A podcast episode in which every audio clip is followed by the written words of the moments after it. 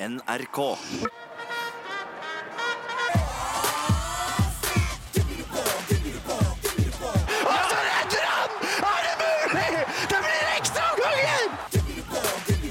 Timeout. En håndballpodkast fra NRK Sport. Sikringen har gått! Alt er tomt! NRK Sport. Ja, Hjertelig velkommen tilbake til eh, håndballpodkasten eh, Timeout. Det er en eh, glede at nettopp du er med i dag også. Dagens gjest, det har jeg gledet meg lenge til. Eh, Han blir beskrevet av og til som under gjennomsnittet lav, men han er over gjennomsnittet morsom. Det syns i hvert fall de rundt han. Han er den første gjesten i podkasten som ikke er født i Norge, og han er en over gjennomsnittet god trener, og det er det ingen som trenger å betvile. Eh, Han er eh, altså ikke født i Norge, men han er en av de som har bidratt aller mest for norsk håndball det siste tiåret, og kanskje de to siste tiårene. Han er en kløpper på kakebaking faktisk. Og det ryktes også om en annen signaturrett på kjøkkenet. Vi får høre litt eh, senere. Han har temperament så det holder, men bak det, som av og til kan se ut som et surt ansikt, så er det en gledesspreder. En skøyer og en ekstremt profesjonell mann og trener. Han har trent Elverum, han har trent Gjerpen og Nærbø, i tillegg til det norske landslaget i snart et tiår. Han har vunnet seks mesterskapsgull som hovedtrener, han har tatt to sølv og to bronse, og han står igjen som en norsk trenerlegende lenge før han har gitt seg. Han er utdannet snekker, men enda mer relevant så har han mastergrad-coach-utdanning i håndball. Det er den høyeste utdanningen man kan ha. Og i tillegg så har han starta sin håndballcup, sin egen. Det er ikke verst. Og som alltid, hvis du googler dagens gjest, så er dette alternativene du får opp. Høyde, barn, lønn, centimeter, foredrag, trener, raste og Mysil Bergsprekken. Ja vel. Thau er anagule. Au gestum dagsins, abrotin islensku. Jeg vet ikke om du forsto det, men Toril Hergersson, velkommen hit. Jo, takk. Forsto du islandsken? Ja, deler av den. Eh, Jeg kan prøve igjen. Thou Er det thou, eller? Thou. Thou er anagule au fagna gestum dagsins. Thou er afagna fagna Au fagna gestum dagsins. gestum dagsins. Ja, Ja, det er en glede å ønske velkommen. ja. Fagna gesti dagsins. Abrotin islensku. Ah. inn islensku. Ja, nei, jeg, jeg får ikke helt med meg. Gebrokkent islandsk skulle det være. Au, au, eh, ja, ja, ja. Ja. uh, ja, au, ja. Ja, her, her har vi brukt eh, Google Translate, Ja, akkurat. for å si det på den Ja, Da skjønner jeg det. Ja. Ja. Eh, var det noe i introen du var uh, uenig i her? Nei. Nei. Eh, jeg syns det var morsomt med den der eh, myseldørsprekken. Det var, det var artig. Ja, for dette er jo altså en karakter fra Flåklypa, Mysel Bergsprekken, som eh, Bergsprekken, ja. ja. Eh, og det er altså noe av det øverste som, som kommer opp. Du kjenner til dette, eller? Ja, ja, ja, det, det, du vet at både, både barn og, og, og spillere og andre har jo sørget for å vise meg det der, og har hatt det moro. Og jeg byr gjerne på det. Jeg syns det er artig. For dette er han eh, Vi kan nesten kalle han han litt sure Ja, ja. i, i Flåklypa, eh, som har et sånt ansikt Ja, som uh... Ja, jeg er veldig enig i det der, for, for, for det du sa om at eh, Altså, veldig mange tror at jeg er uh, sint og litt sur og forbanna hele tiden. Jeg har en sånn ansiktsmine som er på en måte genetisk eh, alle gutta på min fars sin side har litt den, den minen, og den er sterkest når jeg står og tenker, for jeg, jeg må jo konsentrere meg. Jeg er jo litt sånn at jeg må gjøre én ting om gangen. Og så når jeg da tenker, så, så blir jeg alvorlig. Og det er jo både spillere og andre rundt som, som på en måte Som ikke kjenner meg godt. Da. De, de lurer litt på om jeg er i dårlig humør. Eh, og du vet, eh, tidlig på 90-tallet, når jeg var eh, fersk trener i Elverum, så så stjal de eh, Sinnatakken i Vikelandsparken. Det var noen som kom og sa Ja, ned Sinnatakken. Ja. Og da, da var jeg opptatt av det på Elverum at eh, Oslo kommune kunne jo låne eller leie Herkesson på dagtid. Så kunne han stå der. Og, og bare han var hjemme til trening. ja. Så ja, det har vært interessant. Eh, Men det har også lært meg noe om hvor viktig kroppsspråk er, og at, eh, at du også blir kjent med folk. At du ikke dømmer eh, folk nødvendigvis bare av en mine eller et utseende, men at du blir kjent. Jeg skjønner også at du har jeg vet, jeg vet, Du har sikkert ikke gått kurs, men du, du har på en måte prøvd å, å bli blidere utad i pressen? Jeg har jobba veldig mye med eh, bevissthet rundt kroppsspråk. Eh, det har vært en av mine utviklingsoppgaver. Eh, I og med at jeg oppdaget at det var spillere som blei litt usikre. Ja. Er, han, er han sint på meg nå, eller er han sur? Hva, hva er det, liksom? Og det var jo absolutt ikke min intensjon. Var, jeg, jeg satt bare kanskje og tenkte på noe som vi skulle gjøre. Eh, hadde ikke anelse om at det så sånn ut. Eh, Men nå sitter du og tenker litt. Er du sur på meg nå? Nei, absolutt ikke. Jeg synes det, var, det, er et, det er et veldig interessant ting, og det er jo en veldig viktig ting i, i den rollen jeg har. At, eh, at, og i lagspill. Det er jo hvordan du fremstår. Kroppsspråket er jo utrolig sterk og viktig del av kommunikasjons, kommunikasjonsformen. eh, Eller kommunikasjonsform, som er viktig i, i alle eh, der folk jobber sammen. Mm. Så, så ja, nei, det det var gode Du trakk fram eh, viktige, sentrale ting når du innleda. Ja, men Det er bra. Eh, Jeg tenkte Vi skal jo selvfølgelig bevege oss inn på håndball mm. etter hvert, men før det så pleier jeg jo på en måte å eh, prøve å bli litt bedre kjent med gjesten. Eh, ikke nødvendigvis Tore Hergarsson, landslagstreneren, men Tore Hergarsson, personen. Og jeg forstår at eh, du er ganske god på kjøkkenet. Eh, folk skryter eh, ganske mye, og spesielt så er det en mytisk fransk løksuppe som er spesialiteten. Jeg må si det, jeg har vært på mange restauranter verden rundt, og jeg, jeg er ganske beskjeden, men jeg må si at eh, jeg har ennå ikke funnet løksuppe, til og med på franske restauranter, eh, som er like god som min. Nei. Det er, det er deilig å melde. Ja, ja det, nå, er jeg litt, nå er jeg litt høy på det, men, eh, men jeg, altså, det er ålreit å skryte litt. Men eh, smak og behag altså, Det finnes jo sikkert de som har funnet en bedre løksuppe, men eh, jeg syns den er eh, den beste. Men jeg forstår at du er veldig glad i å være på kjøkkenet og, og lage mat og, og sånne ting. Gir det deg litt sånn litt ro? og en litt sånn, Du reiser jo såpass mye at uh, da får man sånn følelse av at liksom, nå er man hjemme når man lager mat. Ja, uh, jeg trives veldig godt med det. Det er en fin avkobling, og det er morsomt. og det, det er spennende, og øh, det har jeg egentlig hatt med meg siden jeg var guttunge. Jeg husker mor Mor var eh, husmor. Eh, Veldig, veldig flink med oss og, og, og, og glad i å, lage mat og bake og, stelle til. Og hun dro oss tidlig med. Altså Hvis vi hadde lyst til å være med, så fikk vi lov til å være med. Og det, det fyrte opp noen interesse, og det syns jeg er veldig bra. Det, du får kobla av, du får gjort noe helt annet enn det du holder på med. Eh, og så er jeg glad i mat. Jeg er veldig glad i mat. Eh, selv om eh, ikke jeg har blitt så høy av vekst, så har jeg nå spist både mye og sunt. Eh, så, eh, og så er jeg jo jeg er også glad i desserter og kaker og sånn. Det hører jo med. Eh, Du var innom det kort, så vi skal komme tilbake til høyden din litt senere. Eh, Men, Eller eh, manglende høyde, eller? Manglende høyde. Men det som er veldig gøy, er at du har mye sjølironi på det. Jeg har noe historie jeg har fått fra bl.a. Mia Hermansson Høgdal der, på, på høyden din, men det skal vi ta etter hvert. Men jeg kjenner meg veldig igjen i det du sier. Jeg har jo en far som er utdannet kokk, eh, så mat har på en måte alltid vært en veldig stor del av, av livet hjemme. Og jeg er også veldig glad i å lage mat, men Forskjellen for meg ligger på det å lage mat og bake. Jeg syns ikke det er noe gøy å bake, men det syns du. Ja, jeg syns det. Eh, nå er det jo ikke sånn at jeg, jeg, jeg baker jo sjeldnere enn jeg lager mat. Ja, det er ligger jo litt godt da.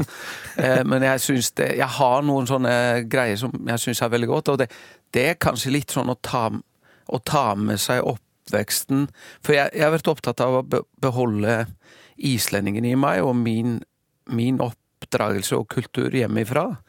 Og det niste jeg fikk med fra mor og far. Og det, når du da bor eh, i utlandet, eller i Norge, da, og har på en måte forlatt eh, ditt hjemsted, så, så må du prøve å holde litt av identiteten. Og det gjør jeg blant annet gjennom mat og baking. Altså, jeg baker de gode kakene som mor lagde, som jeg syns var så gode. ikke sant? Jeg, jeg lager de islandske pannekakene, som er litt annerledes enn de norske. Mm. De er litt mer sånn dessertpannekaker med, med krem og syltetøy eller is og, og så videre. Og det eh, og, og, samme er det med maten. Jeg lager ofte lammeretter, for det er litt sånn typisk islandsk tradisjon. Eh, og det, det er kanskje litt for å holde i røttene, liksom. Så når en begynner å tenke på hva er jeg syns er kjekkest å bake eller å lage av mat, så er det de gode rettene, favorittrettene som mor eh, lagde til oss når vi var små. Og det Ja. Men mens, mens vi er inne på det, hvordan ble det Norge? Altså, var det, var det håndballen? Var det kjærligheten? Var det fiskebollene våre, holdt jeg på å si? Hva, hva, hva var det som gjorde det? Nei, det var, det, var det var rett og slett sånn at i 1986, i januar 86, så Så må, måneden før undertegnede ble født, faktisk. Ja, ja det, kan, stemmer det, ja. Akkurat du er der, ja. Eh, ja, der ser du. Man blir eh, Jeg er blitt gammel. Nei, Eh, nei, nei. nei, nei. Nei, eh, 86 januar, da, da, da satt jeg med søknad til den så da kalte idrettslærerskolen på Island. Eh, og så hadde jeg var en fra Selfoss som gikk på idrettshøyskolen i Oslo. Eh, som, som jeg kjente til, som jeg traff. Og han fortalte meg, han var, hadde vært hjemme i juleferien i 85, og fortalte meg at han, han, han hadde det bra i Oslo. Det var utrolig spennende skole. Under, eh, bra undervisning, bra miljø. Eh, Så jeg ble litt nysgjerrig på det, så jeg begynte liksom å søke opplysninger om NIH eh, der i januar. Og så ble det til at jeg sendte søknad til den islandske lærerskolen og, og til NIH. Og ut i mars, begynnelsen av april, så fikk jeg jo brev, og da var det jo brev i posten. Ingen mailer. eh, Nei, det finnes og- fortsatt brev, altså. Ja, ja, det, det gjør jo det. Eh, og da, med at jeg, jeg var Jeg skulle møte til opptaksprøve, fysisk opptaksprøve på NIH i mai, begynnelsen av mai. Eh, Så satt jeg der, og så fikk jeg svar fra idrettslærerskolen på Island. Jeg var kommet inn. Så satt jeg liksom jeg, Så tenkte jeg nei, eh, eventyr, eh, annen kultur, eh, en, en høyskole som jeg kunne ta videreutdannelse i. Eh, Ikke bare lærerutdannelse, men kanskje noe mer. Så jeg tenkte nei, jeg hopper på. Reiser ut, tok opptaksprøven, det gikk fint. Eh, Så kom vi inn noen flere islendinger der, eh, og, og valgte da å, å hoppe i det. Og har ikke angra på det. Um, Nei, det men jeg, jeg skulle jo bare være tre år. ja. Maks fire. Tre-fire år. Men det er jo blitt noen og 30, så ja, det norske folk som er glad i håndball, takker deg for at du var, klarte den opptaksprøven ganske greit. Ja, Eh, men jeg, jeg vil jo takke, takke tilbake for at jeg har fått lov til å, å både ha roller og oppgaver her som eh, har utvikla meg. Så det er gjensidig. Og for å hoppe til eh, noe som ikke går an å gjøre en naturlig overgang til. Fikk du en krakk i julegave en gang? Ja, det stemmer. Eh, Det er, jo- det er jo sånn at eh, når du er 1,70 så blir det litt høyt opp i de øverste hyllene i, i, i skapene på kjøkkenet. Ja, riktig. Og min, eh, min kone hun pleier å sette snopet øverst. Ja, det, for, så at ikke For du, da tror hun at ikke jeg får tak i det. ja. Men eh, eh, så var det litt sånn morsomheter, så min svigerinne hun, hun Vi feiret jul sammen et år, og hun hadde jo fått med seg dette at det var litt tungvint for Torer å alltid hente en stol for å komme opp i øverste skapet, så hun kjøpte en krakk til meg, og jeg fikk en krakk i julegave. Sånn to trinn. Og den uh, har jeg på kjøkkenet, og der, uh, den står den, Der står det Torer sin. Så det er ingen andre som får bruke den. Så jeg sier løsningsorientert. Så nå, nå kan du få godteri når du vil hjemme. Ja, ja. Ja. ja. Ja, men Det er veldig bra. Eh, og så vet jeg jo at eh, For å på en måte avslutte hva du Altså litt sånn på, på privaten. Eh, jeg vet at du eh, er veldig glad i fiske. Du er veldig glad i både laksefiske og fluefiske. Jeg vet at du brygger, de, brygger øl. Ja. Uh, og der vet jeg at hvis jeg hadde sagt til deg uh, at uh, jeg skulle hatt en, en viss type øl, så hadde de fleste vært eh, nei. For det er én type øl som Tore Hergersson skal ha, og det er IPA. Ja, det stemmer. det. Jeg er blitt veldig glad i IPA av en eller annen grunn. Jeg syns det var pyton første gang jeg smakte det. Men så, så begynte vi litt å prøve oss frem. No, no, nabogjeng, eh, som er utrolig fin gjeng, for at de er så De er supportere til håndballen, men de de er ikke håndballfolk, men de holder jo med Norge, og de følger med. Men de følger med akkurat passe til at når jeg er sammen med de, så, så kobler vi ut. Da snakker vi om andre ting. Eh, og vi gutta vi begynte å tukle med litt eh, brygging eh, for noen år siden. Og så liksom vokste interessen, og så ble det til at du prøvde litt og begynte å liksom orientere deg innenfor ulike smaker og sjangere og sånn. Og, så har jeg liksom etter hvert blitt glad i IPA. Det blir ikke så mye om gangen, men det, det blir liksom uh, li, noen smaker. Det er veldig, veldig kjekt å smake på forskjellige Men du sier du, typer. du sier du er glad i IPA. Du er nesten sånn at uh, altså, folk jeg har pratet med som har bestilt noe annet i nærheten av deg, får klar beskjed om at de har bestilt feil. Ja. nei, jeg, jeg, jeg Dette er lidenskap. Ja, det kan, du kan si at Nei, jeg, jeg, prøver jo forskjellig, men, men det har jo blitt til at det liksom eh, jeg, jeg vil gjerne at andre skal prøve nye ting, da. Ja. Sånn at de får opp eh, smakssansen og, og får se hvor stort eh, variasjon det er eh, i, i øl i dag. Det er, jo, det er jo en vitenskap. Det er jo enormt. Ja. Så det er, jo, det er jo ganske morsomt. Før var det vinsmaking. Nå, nå holder vi på med å liksom eh, Tre, tre mann deler en 033-flaske for å smake, liksom, Ja. og prøve litt forskjellig. Og det syns vi er, Det er ikke, veldig flat, godt. det er ikke flatfylla på jern. Nei, det, det er det ikke hos oss, iallfall. Men det, det, det, det er kjekt å lage og, og smake sitt eget. Og noen ganger er det i pyton, og noen ganger er det veldig bra. Så det er litt uh, prøving og feiling. Det skal jo handle om håndball dette her også, Ja. Torir. Uh, Ja, det håper jeg. ja. Ikke, ikke bare øl. Nei, så vi, uh, vi hopper videre til, eh, til litt håndball. Ja. NRK Sport. Torir, du blir beskrevet som ekstremt profesjonell av alle som jeg har pratet med i forkant av denne podkasten. Altså, hvordan tilnærming har du som trener? ja eh, Et stort spørsmål. for Ja, det, det er jo et stort spørsmål. Nå, nå har jo jeg utviklet meg, heldigvis, eh, mener jeg, eh, fra jeg begynte som ung, ung og ambisiøs trener, eh, eh, til å bli litt eh, Jeg har blitt litt klokere med åra, håper jeg. Og jeg er jo en trener som har vokst opp i en kultur hvor du er Altså, du skal være delaktig og medansvarlig for det du er med på. Eh, Vi blei tidlig utfordra på å være med på å dra vogna og dra fellesskapet, og, og bringe noe inn i fellesskapet på Island, på, i et lite, liten klubb på et lite sted på Island som heter Selfoss.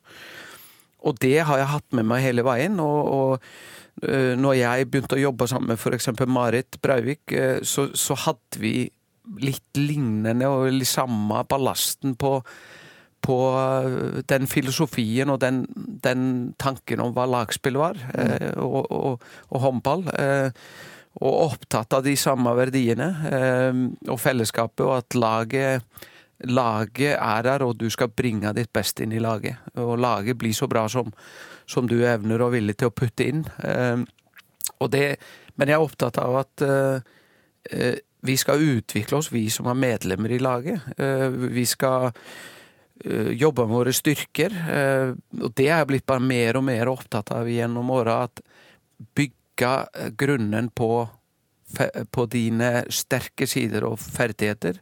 Det er selvtillitsbygger nummer én. Det er liksom det du har med deg. Og så gjelder det å forbedre litt og utvikle nye ting. Og, og det å, å, å selvstendiggjøre håndballspillere Selv om de er lagspillere, så må de kunne lede seg selv.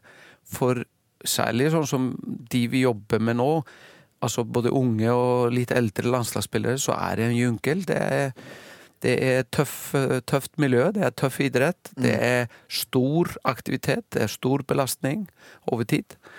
Og det er veldig viktig at spillerne blir så selvstendiggående som mulig i forhold til å sitte i førersetet på sin egen karriere. At de har en kritisk dimensjon i det de er med på.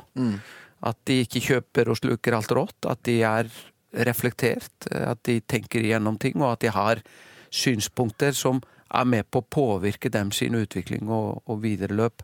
Håndballspilleren er, er i forskjellige miljøer. Landslaget er ett miljø. Klubben er ett miljø. Det kan være skole, særlig for de, for de yngre spillerne, så er det utdannelse, og der er det et miljø.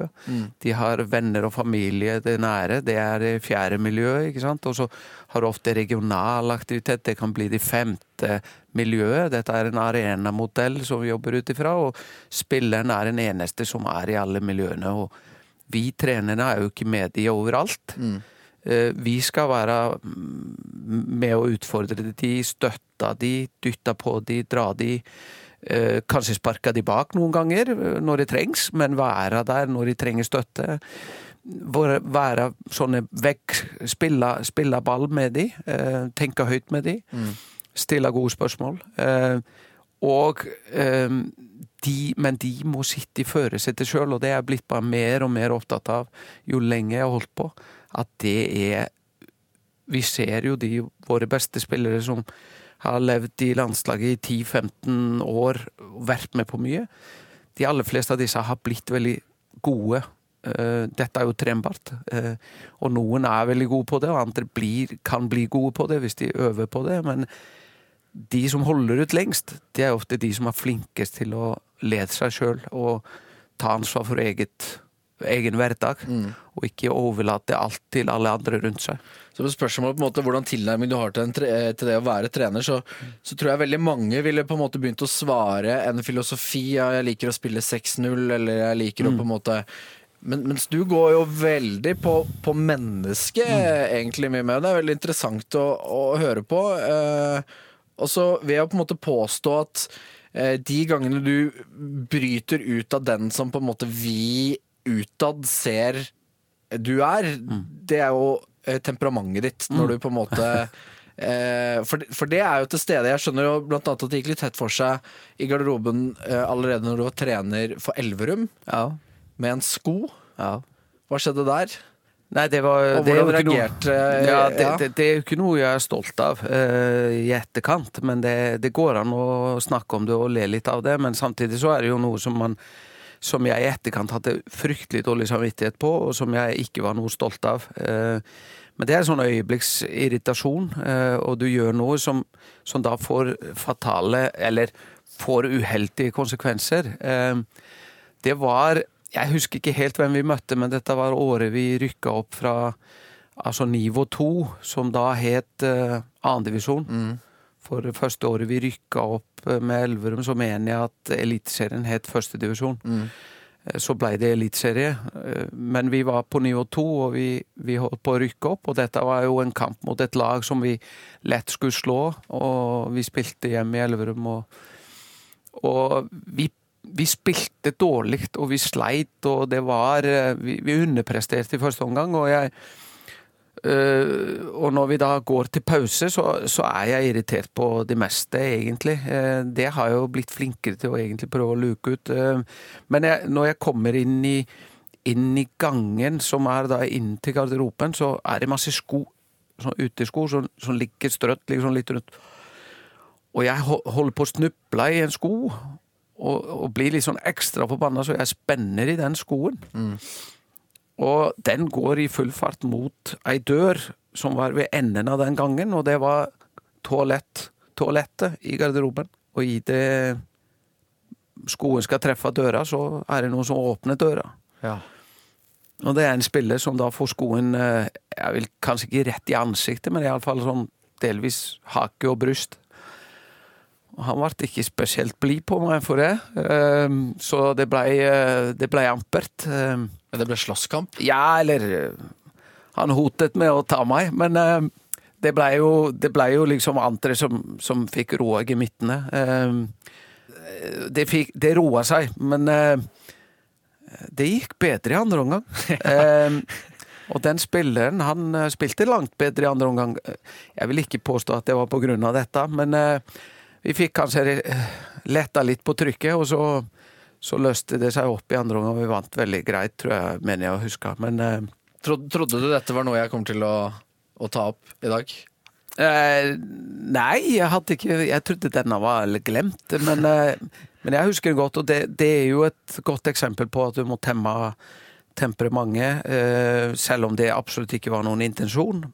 Alle tingene man gjør, alle de gode tingene man gjør, alle feilene man gjør, mm. skaper den personen man er, og skaper den treneren eh, man er. Dette var jo et tilfelle hvor du eh, ikke mente eh, å, å, å, å, skade en spiller eller gjøre noe sånt.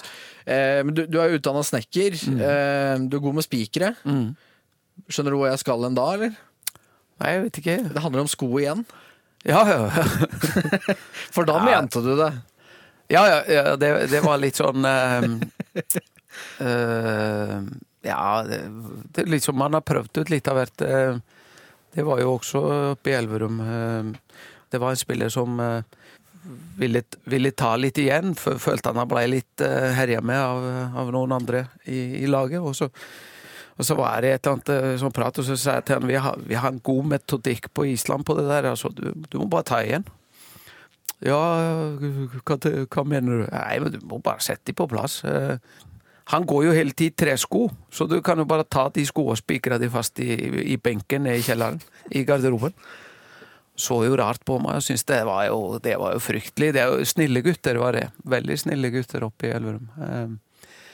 Jeg var kanskje vant til litt mer sånn litt mer sånn luft under taket ja. der jeg kom fra, og litt pukk. Ja, og så, så, så, sier jeg til han at nei, du, du må bare ha med deg uh, firtom spiker og, og, og, en hammer uh, på treninga, og så kan du stikke ned når vi er i gang med treninga, og så fikser du dette. Så du ga han tillatelse til å spikre fast lagkameraten sin sko i benken? Ja, det, det, var jo litt fordi at jeg så jo at det var, det, det var all grunn til å ta, ta igjen. Jeg, jeg, jeg, hadde jo, jeg, hadde jo, registrert at det var litt sånn uh, ja, Det var jo ikke ondsinnet mobbing, men det var, det var litt sånn her, hersing med, med han. Så, så uh, se hva som skjer hvis du, hvis du tar igjen. Uh, jeg vet ikke om jeg hadde gjort det i dag, men uh, det hadde jeg nok ikke anbefalt i dag. Men jeg hadde nok tatt litt andre grep. Men han gikk ned og spikra de tre skoene fast, og det er jo alle disse tingene som har gjort at du er, du er den du er i dag. Så eh, vi jobber oss på en måte gjennom håndballkarrieren din. Eh, nå har vi kommet fram til det som eh, jeg tror du eh, jeg, jeg, vil regne med at det er den største perioden når vi snakker om landslaget. Mm. så vi skal komme litt inn på litt av de store høydepunktene mm. som har skjedd de siste årene. NRK Sport. Du har ledet eh, Norge gjennom eh, mange mesterskap nå. Eh, som hovedtrener da, eh, først og fremst, men også, og som, men også som assistent under Mare Preivik. Hvis jeg tvinger deg, Tore Hergersson, til å måtte trekke fram ett eller maks to høydepunkt, hva er det? Ja, det er alltid vanskelig å sammenligne, det er riktig det. Eh, men jeg, jeg, jeg vil nok trekke fram OL i London 2012 Eh, fordi at det var jo første OL-et vårt, altså for meg og Mia og Mats som, som trenerteam, og meg som hovedtrener. Det er klart det var stort i Beijing sammen med Marit, for det var, det var første gang. Men eh, eh London-OL var litt annerledes, for vi, vi sleit enormt. Vi, vi, vi, krabbet oss igjennom et puljespill. Spilte et godt stykke under det nivået vi var gode for. Eh, sleit med diverse ting. Både, både, det ene og det andre. Både, både, kollektivt og litt på det individuelle plan. Eh, alle ville mye. Eh, dette var den store drømmen. OL blir jo gjerne det. Det blir mm. for større. Siste sjanse på å spille til OL. Eh, mange ting som spiller inn. Store favoritter. Og vi kom oss så, så vidt til en kvartfinal. Vi ble nummer fire i pulja vår og mm. møtte vinneren av andre pulja, som var Brasil, i en kvartfinal.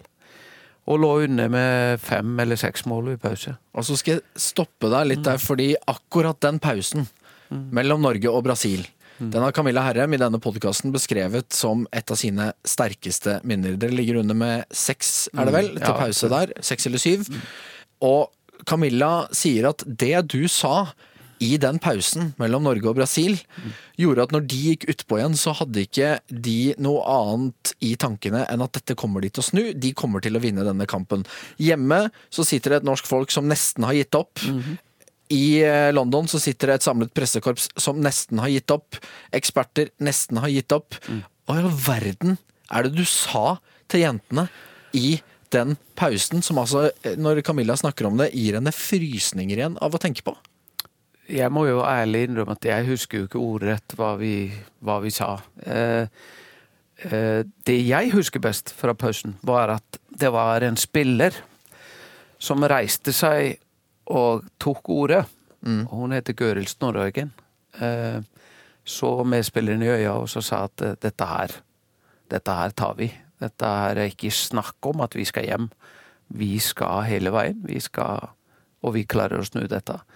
Det var eh, etter at vi hadde snakka litt, vi trenere. Eh, Det, det begynte heller ikke så bra først den minutten i andre omgangen. Ja, Brasil skåret det første Ja. og økte til syv eller da Ja. åtte mål. Og så klikka det inn en Kari Olvi Grimsbø som begynte å plukke, og, og, og vi fikk inn noen forløsende mål. Eh, En Camilla Herrem som sprang opp en, eh, en, eh, en eh, brasiliansk kontringsspiller.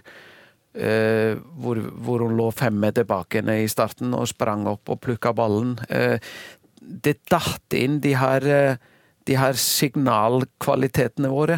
Vi fikk målvaktsredninger som var høy klasse på, vi fikk satt inn noen susende taklinger, vi fikk inn noen lette kontrings-ankomstmål. Vi sprang opp Brasil to-tre ganger på kontringsforsøk i begynnelsen av andre omgang. Og så Det var den forløsende effekten. Mm.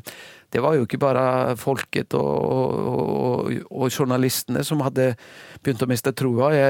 Vår eminente teamadministrator Grete Inge hadde allerede pakket ferdig i tankene. Eh, lurte på om hun skulle stikke bort på, før kampen var ferdig for å begynne å pakke. Ja. Eh, Booke om fly og komme, og ja, ja, ja. var kommet helt dit. Men det er jo klart at eh, hun må jo være i forkant hele veien. Ja. Eh, og det var kommet så langt at hun begynte å lure på om det ikke var like greit at hun begynte bare å, å booke om billetter og pakke vesker. Ja. Eh, men eh, det, det viser jo bare at det Og det finnes noen flotte fotografier fra den kampen, hvor de bildene som er tatt i første omgang, så er i Brasil, som er i momentum, i flow. Det er bekymrede norske ansikter, både på banen og på benken. Litt høye skuldre. Ehm, fallhøyden er ekstrem. Favoritt, skyhøy favoritt. Enorme forventninger fra seg sjøl og andre. Eh, drømmen i ferd med å breste. Og så tar man bilder av de samme spillerne i samme eh, kampen eh, i siste kvarteret av andre omgang. Mm.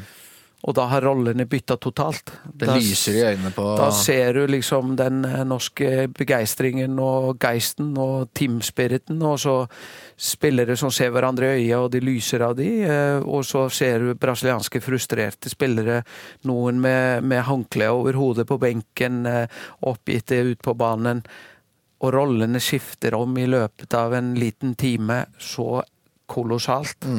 NRK Sport. Tore Hergersson, jeg kalte deg en legende eh, allerede før du har eh, gitt deg, for du har gitt såpass mye til norsk håndball. Eh, hvor mye har norsk håndball gitt deg? utrolig mye. Eh, Det er jo klart, jeg, jeg har jo tatt eh, all min de- Den såkalte håndballteoretiske utdannelsen min har jeg jo tatt i, i, i Norge. Men jeg har jo med meg fra Island litt den, den tanken og kulturen og følg, og har veldig mye kontakt med det islandske håndballmiljøet og har gjort hele veien. Mange gode venner som er trenere og, og, og spillere, eller først og fremst trenere nå. Nå er jeg blitt såpass gammel.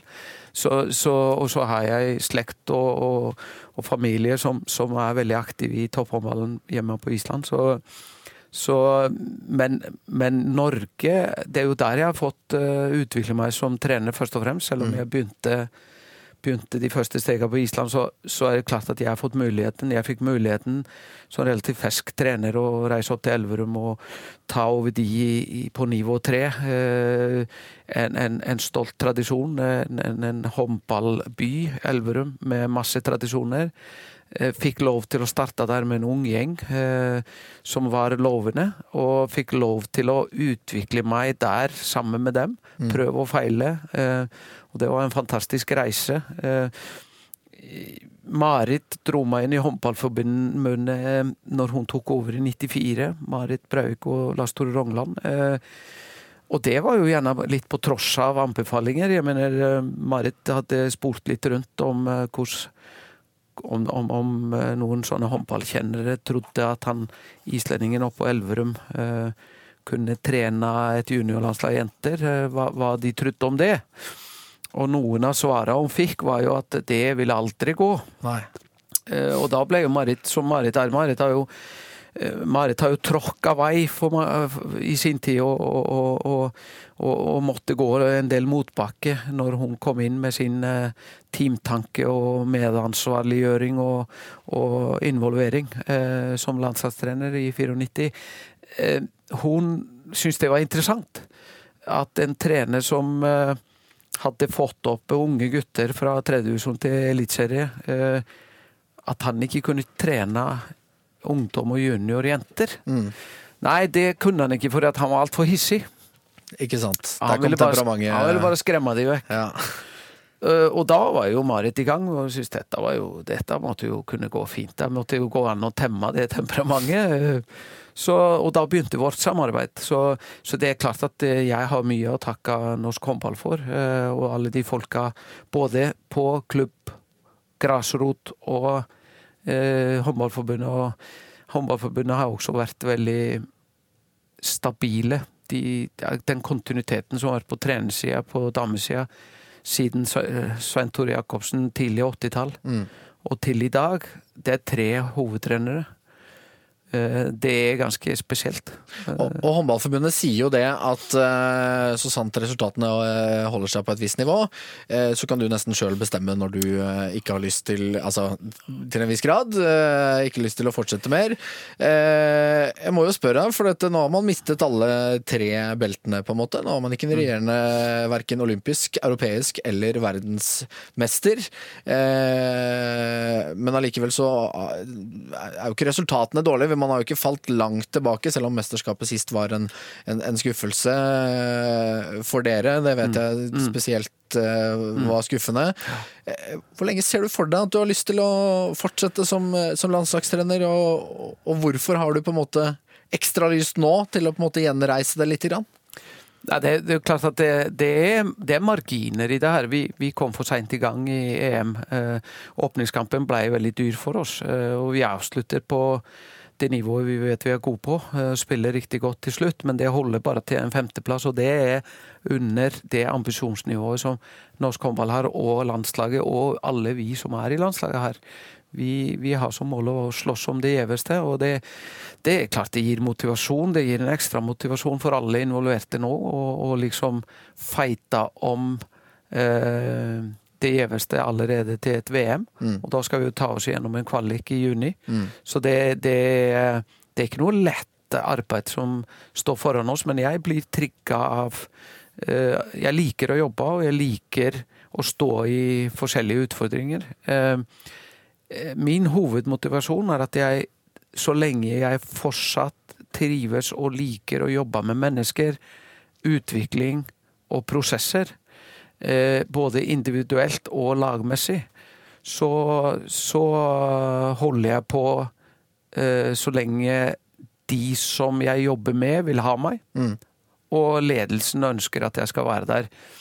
Det er jo ikke sånn som du sier, at eh, jeg kan være så lenge jeg vil. Det er jo Nei, men det ble det uttalt at måte- eh, Ja, du kan nesten sånn få lov til å gå av. Så, sånn er jo ikke gamet. Eh, det, er, det er mange faktorer i det her som vil spille inn på det, men så lenge jeg Hvis jeg kjenner at jeg mister driven og lysten til å gjenta prosesser som er helt avgjørende, gjenta et budskap som er helt grunnleggende, jobbe med de grunntinga hele veien, om igjen og om igjen, søke nye impulser. Eh, søke nye utfordringer.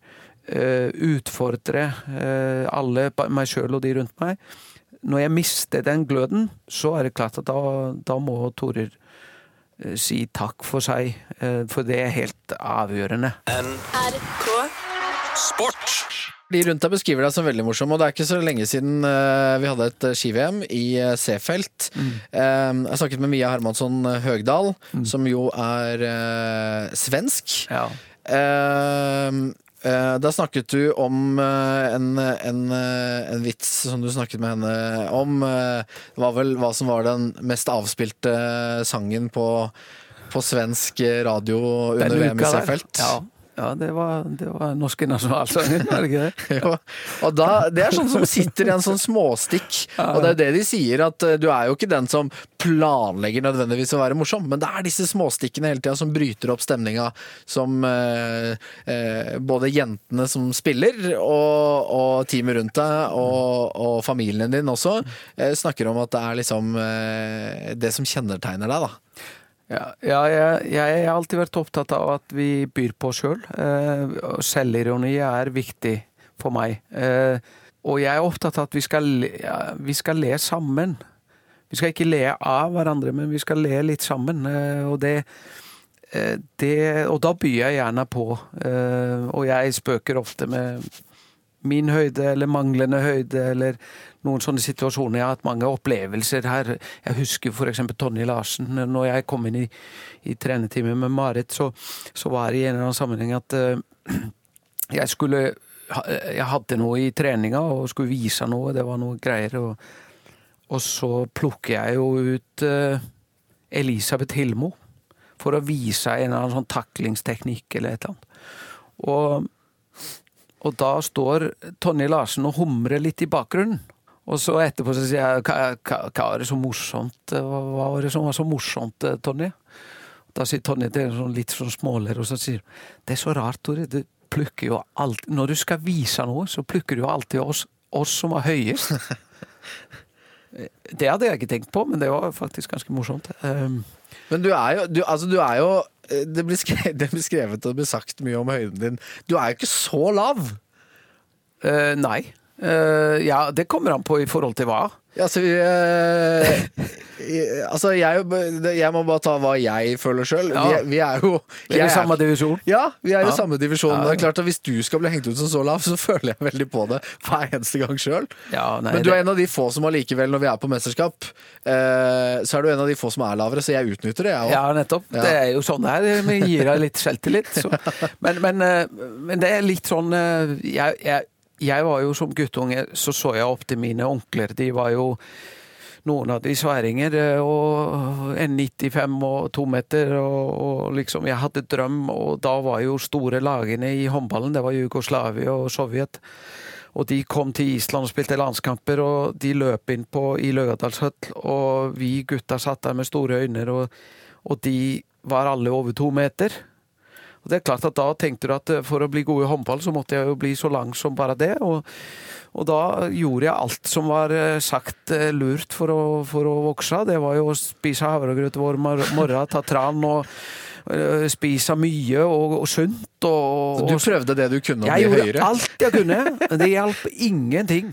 Og jeg var passe frustrert eh, tidlig. i Hang i ribbeveggen og sånn, eller? ja, jeg prøv, ja. prøvde alt. Og, og, og du vet at eh, jeg, Min mor fortalte meg litt om dette, og jeg har fortrengt det. men og hun fortalte litt om at eh, frustrasjonen kom litt i ut, eh, uttrykk noen ganger tidlig i, i tenårene. Og, og, og det som var litt morsomt, var jo at mine to beste kompiser de var jo, er jo begge to to meter. Ja. Så, så det er klart at eh, jeg gikk der som den stutte, og de uh, ruvet høyt. eh, så det, men det ble bra, bra time av det. Eh, men jeg husker mor sa til meg du må ikke være så opptatt av det der. Det er bare viktig at du har kvaliteter i de centimeterne du får.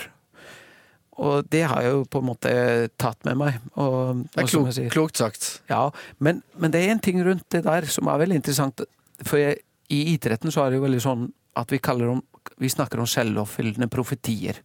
Altså eksempel eh, vanskelig å vinne på bortebane. Det var det jo i fotballen veldig lenge, og det var det jo i håndballen en periode. Nå har jo det heldigvis endra seg. Eh, for banen er like store, og målene er like store, og det er liksom Det er just in state of mind, eh, alt i hop. Men det du forteller deg sjøl mange nok ganger, og hvis du sier det mange nok ganger til de rundt deg, så blir det fort en sannhet. Og da kan det være uhensiktsmessige ting som du må ta, ta livet av, sånn at ikke det blir en sannhet. Eller så kan det være noe som er nyttig, og du skal få med deg folk på. Og det, jeg har hele tida sagt at jeg er 1,70, og jeg, det står i passet mitt at jeg er 1,70, men jeg er jo ikke det. Så de rundt meg de går hele tida rundt og sier ja, pappi han er 1,70, og ja, Torir han er 1,70. Jeg er 1,69. Så du, du har ljuget på deg den ene centimeteren? Eh, nei, jeg var 1,69,5. Ja. Og så tenkte jeg vi runder av oppover. Og når du bare sier det mange nok ganger, så blir det det. Ja. Så Så gi det et par år til nå, så er du 1,72. ja, så det er kanskje det, men du, du, skru, du krymper jo litt med åra. Så, så jeg er sikkert ikke mer enn 1,69 da. Men, eh, men dette er liksom morsomt. Jeg bruker det noen ganger bare for å illustrere det her med, med det du sier. Det er det det blir. Og sier du til deg mange noen ganger at det blir vanskelig kamp der borte, eller det er en god spiller og vanskelig å stoppe, så blir det fryktelig vanskelig. Det er et fint sted å avslutte før vi skal ha eh, min håndballfamilie. Og så er det eh, også et veldig søtt bilde eh, å se for seg lille, lille Torir på Island som hang i ribbevegger, og som eh, Han gjorde alt! Han gjorde alt han kunne Hjalp ikke en dritt. for å bli høyere. Eh, 1,69 høye Tore Hergersson eh, der, altså. Nå har du røpet deg, Torir. Ja, NRK Sport. Sannheten skal fram. Sannheten skal fram. Vi skal ha eh, min eh, håndballfamilie. Eh, fast spalte som jeg har hatt i denne podkasten. Men vi skal gjøre det litt annerledes, for det- du ønsker å på en måte eh, påpeke de kvalitetene du ønsker å ha rundt deg, men ikke nødvendigvis sånn at vi skal eh, måtte velge ut eh, eh, en spiller og, og pare det til den, eh, eller den eh, kvaliteten. Mm. Og, og litt forståelig på en måte i og med at man er landslagstrener og ikke har lyst til å, som du har nevnt litt sånn tidligere, også i pressen eh, eh, liker å heller fremheve kollektivet og laget enn nødvendigvis enkeltspillere. Men hva slags kvaliteter mener landslagssjefen er eh, viktig å, å ha rundt seg eh, for å prestere på håndballbanen? Kvaliteter, ja. Du må ha en solid sisteskanse. Ja. Det er bare et must. Mm. Eh, Du vinner ingenting, verken i nasjonale serier, i internasjonale eh, turneringer, Champions League, eh, EHF-cuper eller landslag, EM, VM, OL, uten en minst én solid sisteskanse. Og, og der har vi vært heldige. Norge har vært eh, godt skodd, eh, vært dyktig, vil jeg si. Eh, men også heldig. Men dyktig, først og fremst. For vi må huske at vi har hatt verdens, en av verdens absolutt klokeste og dyktigste målvaktscoacher siden tidlig, eller på 90-tallet. Eh, når Marit trakk Mats Olsson inn. Før det så var det selvsagt store, store keepere. Ja, vi, Gode målvakter. Cecilie som Leganger- Norge fikk fram uten Mats Olsson. ja, Så-? Cecilie så- Leganger, Heidi Tjugum, og så har vi de siste årene Kari Olve Grimsbø, vi har Katrine Lunde, vi har Silje Solberg, vi har eh, en Emily Sandå, som er jo en fantastisk håndballspiller, men som er født i eh, helt feil generasjon. Eh, Som har tøff konkurranse. Ja. Eh, og før disse så hadde vi jo en Kjerstin Andersen eh, i, på, i 80, 86. eh, eh, Frøseth, eh, flere Altså eh, riktig, riktig gode keepere. Så, så, så det har vært en tradisjon. Og, og gode målvakter de lokker jo fram talenter til å begynne å stå i mål. eh, og så får du forbilder. Eh, men vi har en jobb å gjøre fremover for å fortsette å fylle på. Siste skansen, eh, det er viktig. Hva, hva andre kvaliteter er det vi bør ha med? Så må vi ha eh, Altså, nå er det jo litt sånn Du må ha flere av de, eh, og du må ha litt De må ha inneha flere kvaliteter, men du må ha forsvarssjefen. Altså den, eh, den som står der i midten eh, og tar smeller, men samtidig dirigerer og korrigerer og Ledertypen, den som prater, den i- som ser alle. Altså, du har sentrallinjen i håndballspillet som er helt avgjørende. Mm. Det er målvakten, det er midtforsvaret, det er playmakeren. Mm. I dagens håndball så må vi ha flere enn én playmaker. ja. Altså vi må ha spillere som kan skape spill. Spillstyrer, da, eller den som dirigerer og styrer opp angrepsspill, ligger jo ofte i midten. Eh, og en sånn type må du ha. En spillklok, analytisk eh, spiller med pontus og autoritet, som kan korrigere og dirigere. I tillegg så, så kommer siste prikken i sentrallinja, og det er linjespiller. Ja. Uten god linjespiller er det vanskelig. Eh, forskjellen på de beste linjespillere og de nest beste er at eh, de beste linjespillerne de gjør forskjellen på at eh, alltid skape rom for medspillere og seg sjøl. Mens de nest beste noen ganger blir en ekstra forsvarsspiller. Eh, er ikke helt like skarpe på å være der. Men eh, og de tåler mye stryk, de tåler mye smerte. Og de er ofte, ofte er de veldig gode forsvarsspillere også, på grunn av at de, de er i denne fighten hele tiden. Og det, det, da har vi de fire. Det er liksom den helt avgjørende Ja, for dette er jo fire på en måte ryggraden i laget. ja, ryggraden, men også naturlige kvaliteter å på en måte se etter. Eh, hvis vi da skal på en måte velge ut tre til, da, for å få en syver eh, Da, da vil jeg si at uh, du, du må ha lagspilleren fremfor alle. Den som tar store og små roller. Ja. Evner å løse oppgaver som laget trenger. Er ekspert på å være allsidig.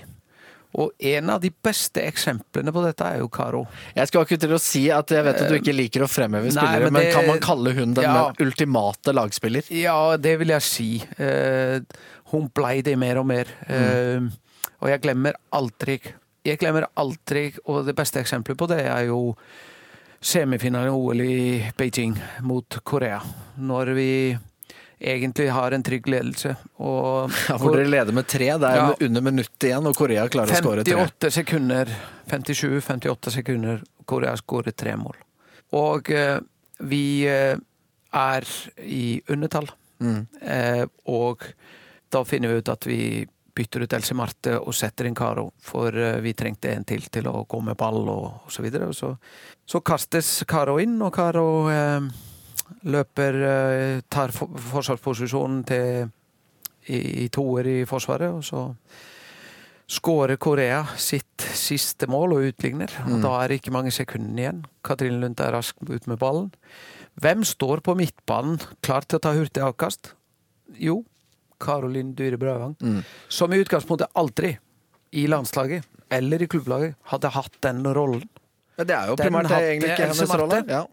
Men når Karo skulle inn for Else Marte, så tenkte Karo med en gang ja, det er rollen der. Ja. Å ta den rollen sånn, det er en ekstrem egenskap. Da er du kald, du er eh, veldig fokusert, og du er veldig klar over hvem du går inn for. Og da har vi fått inn den femte kvaliteten. Da mangler vi egentlig bare, bare to. Ja, så, så kan vi si at uh, vi trenger uh, den spilleren som tør å avgjøre kamper. Eh, som eh, Fryktløse. Ja. Den, den spilleren som eh, gjerne kan være eh, Få oss trenere noen ganger til å rive oss i håret. Eh, kan spille på små marginer, eh, men de tør å ta disse avgjørende skuddet.